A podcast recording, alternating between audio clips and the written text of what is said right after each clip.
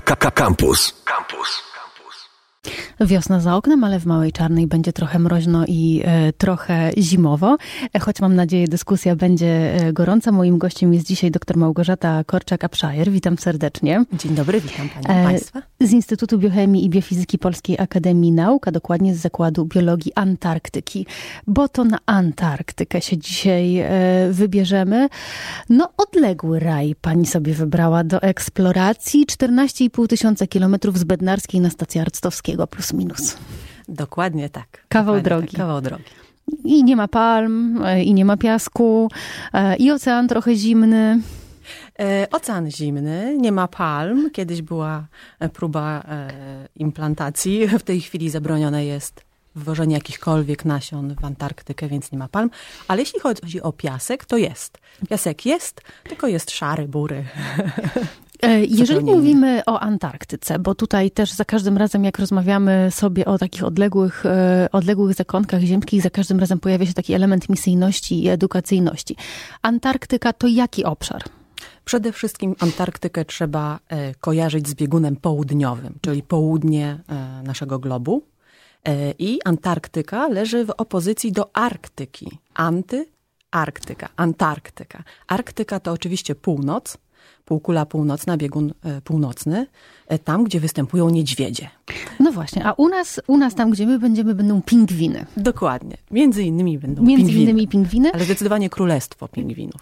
Tak, to zresztą widać, widać na zdjęciu, e, które, które na zdjęciach, które pani przywozi z, z wypraw. A tych wypraw na stację Arctowskiego było już ile? No bo inni jeżdżą do spa albo na Malediwy, a pani sobie jeździ na stację Arctowskiego. Tak o. No, tu daleko Malediwy, przede wszystkim do pracy. Jeżdżę do pracy rzeczywiście. e, Na stacji Arctowskiego byłam cztery razy, natomiast miałam jeszcze okazję uczestniczyć w amerykańskiej wyprawie, również na Wyspę Króla Jerzego. To była amerykańska e, baza.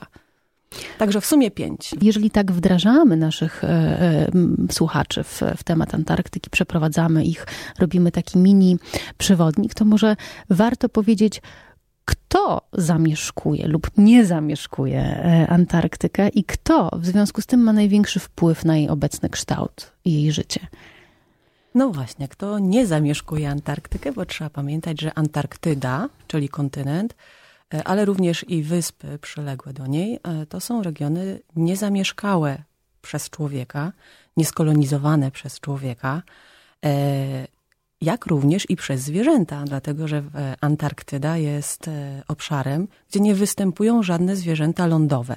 No, może z wyjątkiem jednej małej muchówki, e, która głównie występuje w formie larwalnej w słodkowodnych zbiornikach wodnych, więc też w sumie ciężko ją nazwać Ale lądową, ale Trzyma tak, się. zdecydowanie tak. Natomiast jest to kontynent niezamieszkały.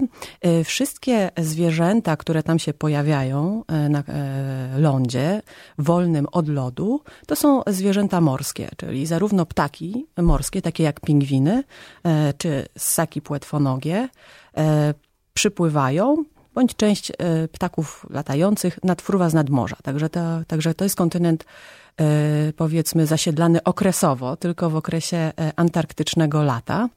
Mm, Bądź zimy w sumie, jeśli chodzi o pingwiny cesarskie. Zapomniałam o jeszcze tych większych twardzielach, no ale to też są, e, pingwiny generalnie to są zwierzęta, ptaki morskie, które większość swojego życia, e, około 80% swojego życia spędzają w wodzie, morskiej wodzie.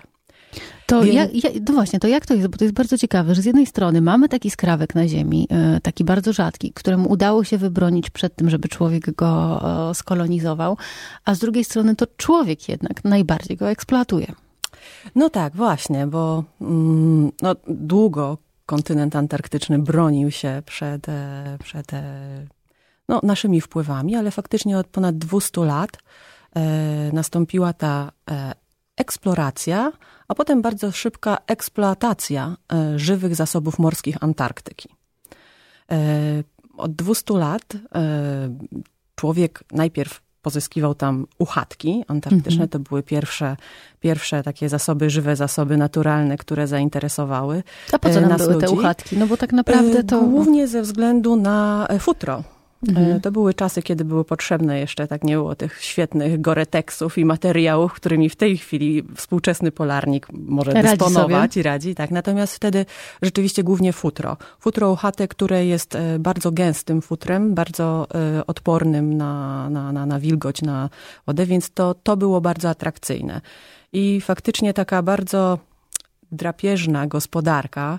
Tutaj podam może taki przykład w okolicach Wyspy Króla Jerzego, czyli tam Szetlandy Południowe, tam gdzie zlokalizowana jest Polska Antarktyczna Stacja imienia Henryka Arctowskiego. W jednym sezonie antarktycznego lata, to jest około trzech miesięcy wtedy, yy, tylko 60 statków właściwie wybiło, odłowiło yy, prawie ćwierć miliona tych zwierząt. Legalnie. Legalnie. Wtedy takie były, wtedy takie były mhm. czasy, tak? Bo, bo można brzmi, było... Brzmi, brzmi jak horror, a dzieje się... E, no właśnie, wydawało się nam wtedy, że można tak sobie bezkarnie całkiem e, pozyskiwać i, ile się da. E, natomiast no potem właściwie wytrzebiono całkowicie populację uchatek antarktycznych w Antarktyce. W no więc poszukiwano innych e, ciekawych e, dla człowieka materiałów, no i okazały się tym tłuszcz wieloryba. Więc po tej erze polowań na uchatki nastąpiła era polowań na wieloryby. E, tutaj szacuje się, że około dwóch milionów wielorybów wyeksplorowano wtedy. To był tłuszcz głównie. To, co bardzo interesowało nas po to, żeby no, mieć ten, ten tłuszcz do oświetlania tak domostw w tamtych czasach i nie tylko. E, no i potem wytrzebienie tak dużej populacji wielorybów spowodowało uwolnienie dużej ilości pokarmu, którym żywiły się wieloryby i mam tu na myśli kryla antarktycznego. E, kryl antarktyczny to jest taki mały skorupiak, największe źródło białka w wodach oceanu. E, którym właściwie tym małym skorupiakiem, krylem antarktycznym, żywią się właściwie wszystkie organizmy, które w Antarktyce występują, począwszy od ryb, kalmarów ryb, a skończywszy na wielorybach, oczywiście poprzez ssaki płetwonogie i pingwiny. No więc jeżeli w oszacowa, tak szacunki są, że jeżeli odłowiono ponad 2 miliony wielorybów, to, to 150 mhm. milionów tak, ton tego, tego kryla zostało jak gdyby uwolnione. No i skorzystały wtedy na tym mniejsze drapieżniki, czyli właśnie pingwiny e, i foki, e, ssaki płetwonogie. E, no ich populacje się w związku z powyższym rozwijały, tak.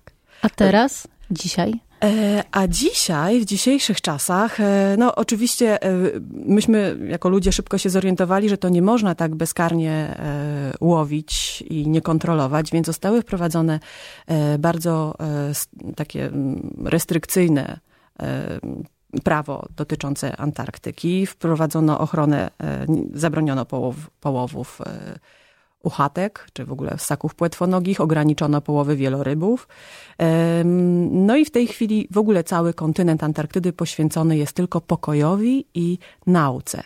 Natomiast faktycznie y, łowimy jeszcze my jako ludzie, łowimy głównie w tej chwili ryby i kryla antarktycznego. Nawet w Polsce dostępna Nawet jest w Polsce można kupić tak, kłykacza antarktycznego, no to nie, czyli ryby, które pozyskuje się w Antarktyce. Natomiast, e, no tutaj, e, ponieważ ta nasza e, eksploatacja była taka niekontrolowana, to spowodowała wiele zaburzeń w całym ekosystemie. W tej chwili odradza się populacja wielorybów, czyli jest ich coraz więcej.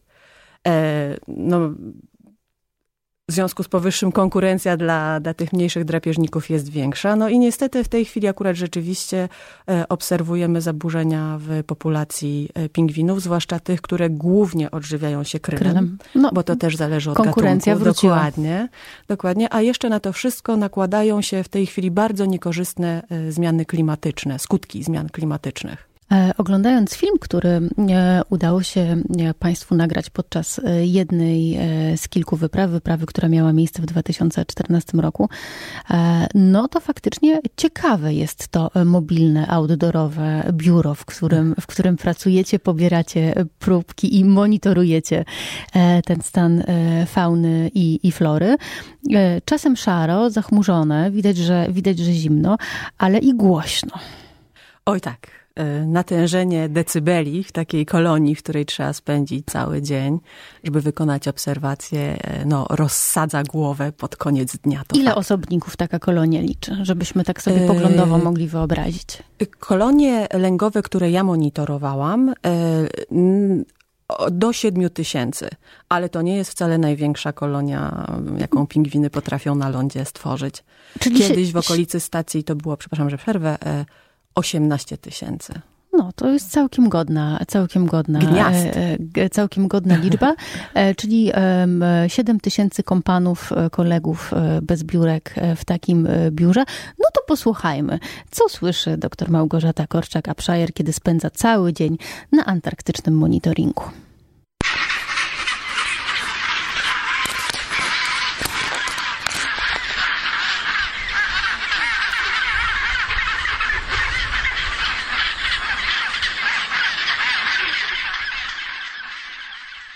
Wesoło. Wesoło. To akurat były pingwiny maskowe.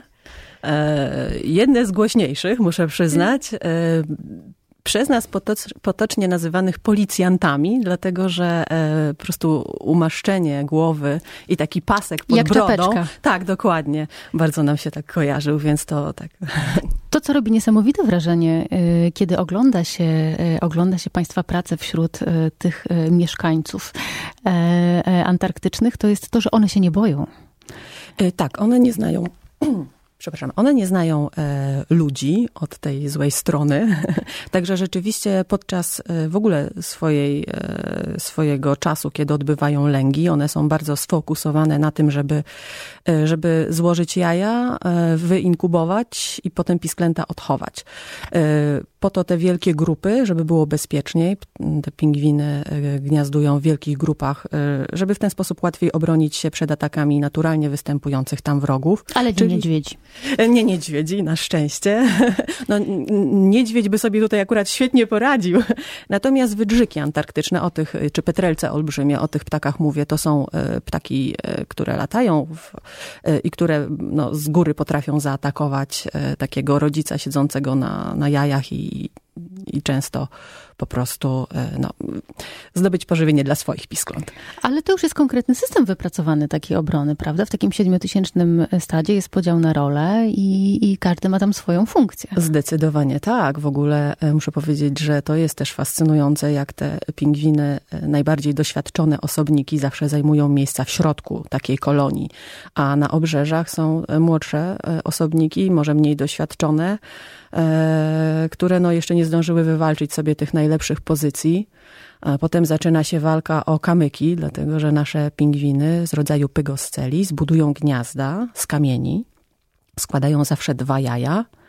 E, no i rozpoczyna się taka właśnie walka o to, żeby te, te kamyki jak najszybciej pozyskać, dlatego że zbudowanie dobrego gniazda pozwala im no, wynieść je troszeczkę ponad powierzchnię gruntu i na przykład uniknąć zalania przez wodę albo zasypania przez śnieg, no to, to no w sumie też, tak, bo to na wyższych, e, wyższych punktach śnieg jest przewiewany, więc też unika się takiego zasypania przez śnieg. Czyli taka trochę chińska filozofia, że starców trzeba chronić, że starci, starcy są, e, starszyzna jest cenniejsza niż młodzież. E, no może nie, nie do końca starców, ale doświadczone osobniki, które dają największą gwarancję na, e, na po prostu naj, jak najlepszy sukces lęgowy. Podróżujemy sobie w zasadzie po wszystkich możliwych żywiołach, żywiołach e, antarktycznych, bo żeby dotrzeć na stację Arctowskiego, długo się płynie.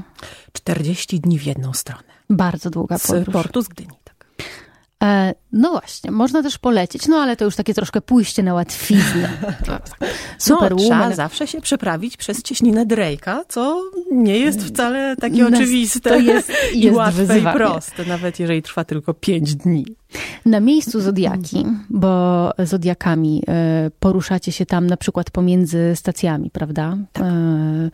E, też e, miałyśmy okazję rozmawiać o tym, że kiedyś, no bo jednak e, na, na Antarktyce stacja Arctowskiego jest jedną z kilku stacji, tak? Mamy też stację amerykańską, włoską, chilijską, więc życie towarzyskie też jakieś jest. Tak, tak, tak. Wyspa Króla Jerzego to jest największa wyspa archipelagu Szetlandów Południowych i rzeczywiście to jest bardzo ciekawe położenie e, tych Szetlandów Południowych. Powoduje to, że jest tam bardzo duża bioróżnorodność, ponieważ tam te zaś zasięgi i subantarktycznych, i antarktycznych gatunków się pokrywają.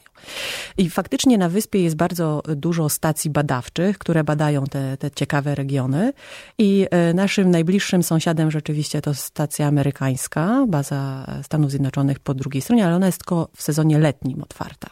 Natomiast całoroczna e, baza to jest baza brazylijska, więc po drugiej stronie zatoki, zatoki Admiralicji, po drugiej stronie, tak w odległości o niecałych tam 9 kilometrów e, od polskiej stacji jest stacja brazylijska. Czyli macie towarzystwo do świętowania świąt, urodzin, no bo czasem tak jest, prawda, że to zimowanie, a nawet nie takie całoroczne zimowanie, ale pobyt wypada też w święta. Tak, dokładnie tak. E, święta akurat wypadają tam w okresie antarktycznego lata. E, antarktyczne lato niewątpliwie jest najbardziej intensywnym okresem, jeśli chodzi o pracę na stacji Arctowskiego, bo no, oprócz monitoringów prowadzone są tam również badania różnego rodzaju, różne naukowcy z różnych dziedzin przyjeżdżają, realizują tam swoje projekty badawcze i wtedy na stacji potrafi być do 40 osób, to jest bardzo dużo jeżeli każdy właśnie to potrzebuje już można, się... imprezę już można zorganizować. No wtedy za bardzo nie ma na to czasu, A, muszę powiedzieć. Wtedy za bardzo nie ma na to czasu. Oczywiście święta Bożego Narodzenia są dla nas i Wigilia, to jest taki czas, kiedy wszyscy spotykamy się przy stole i, i, i tu rzeczywiście odkładamy nasze badania na bok. Natomiast już e, dni świąteczne niekoniecznie, jeżeli jest pogoda, dlatego że Nasza praca jest tam podyktowana, tak, mhm. głównie warunkami pogody, pogody jaka, jaka tam w danym dniu występuje.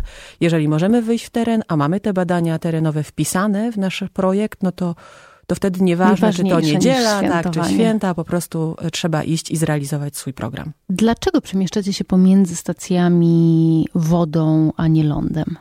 Y, no bo tego lądu tam brakuje, jest pod lodem głęboko ukryty, tak? Nasza stacja, znaczy nasza wyspa, znaczy nasza, nie nasza, no, wyspa nasza Króla też. Jerzego, no nasza tak, po tylu latach eksploracji, tak, możemy tak powiedzieć. Wyspa, e, która ma około 1300 e, kilometrów kwadratowych, w 90% pokryta jest bardzo grubą e, warstwą lodu. Tych terenów wolnych od lodu, tak zwanych oaz, jest niewiele.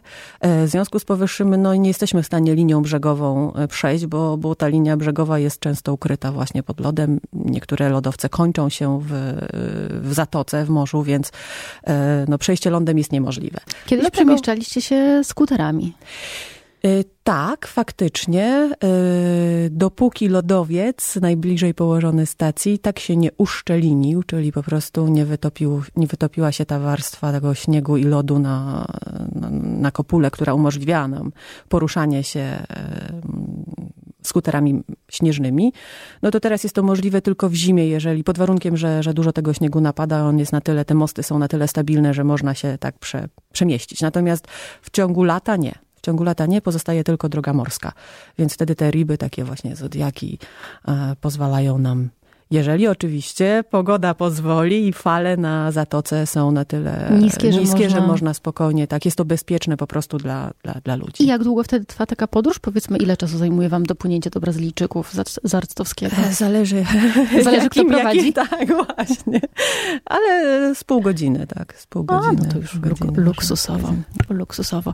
Odbyłyśmy już e, wycieczkę nie tylko po Antarktyce, ale też pomiędzy stacjami. Byłyśmy już e, u Brazylijczyków, ale tak naprawdę nie wspomniałyśmy jeszcze o głównym powodzie, dla którego odbywają się e, te misje, wyprawy na, na, na stację Arctowskiego, związane z badaniem właśnie um, fauny i flory.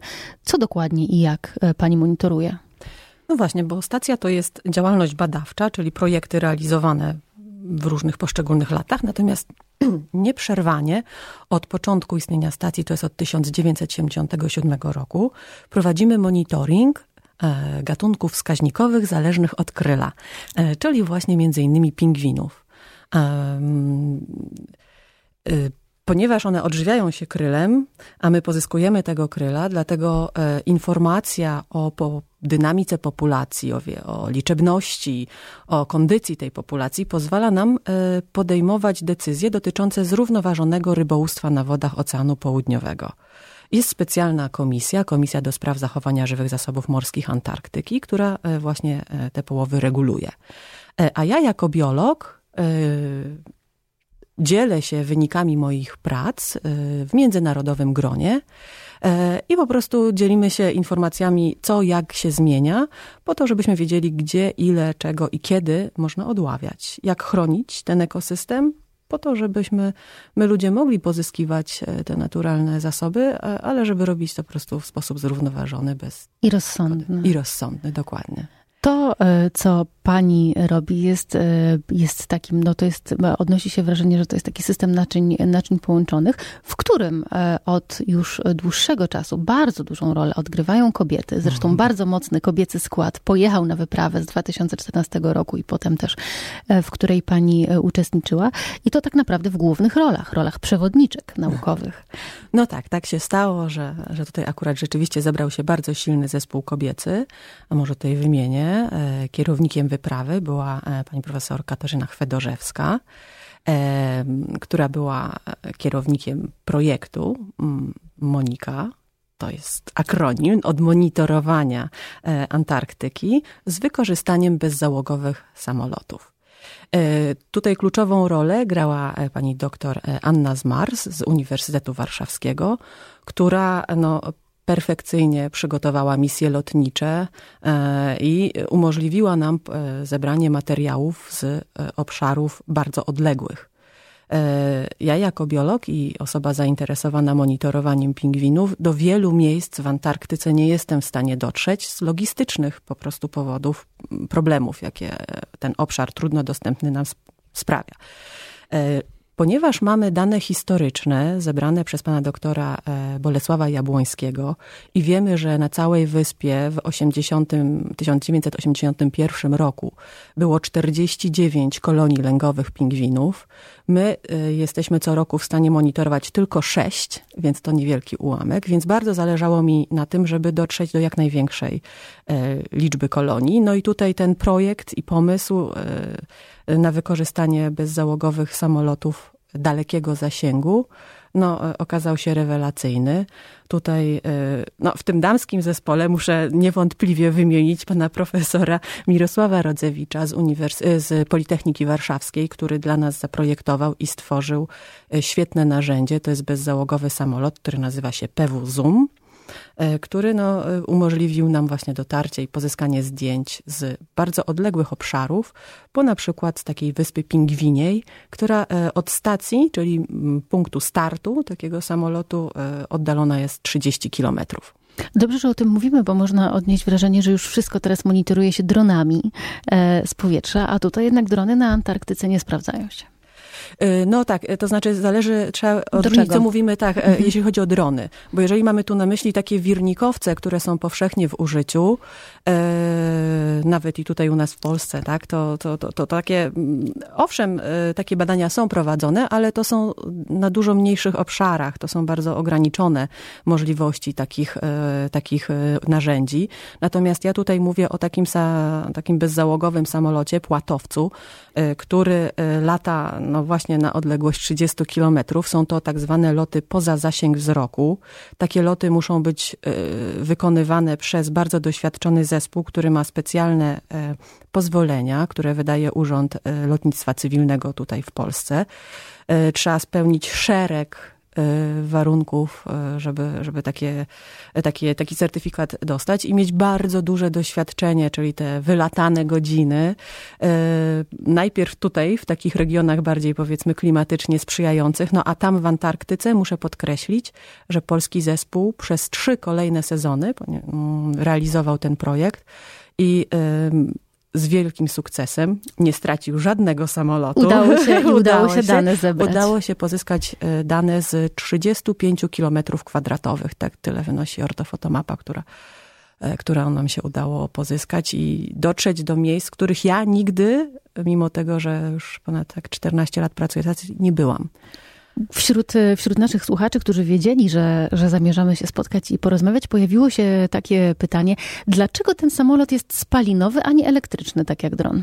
No przede wszystkim chodzi o, um, znaczy istnieją też i samoloty elektryczne i myśmy w naszym projekcie wykorzystywali taki samolot, który, model, który był zakupiony komercyjnie, też takie skrzydło, e, płatowiec, e, który był zakupiony komercyjnie i po prostu przystosowany do, do, do tego regionu, bardzo stanowiącego duże wyzwanie, jeśli chodzi o klimat.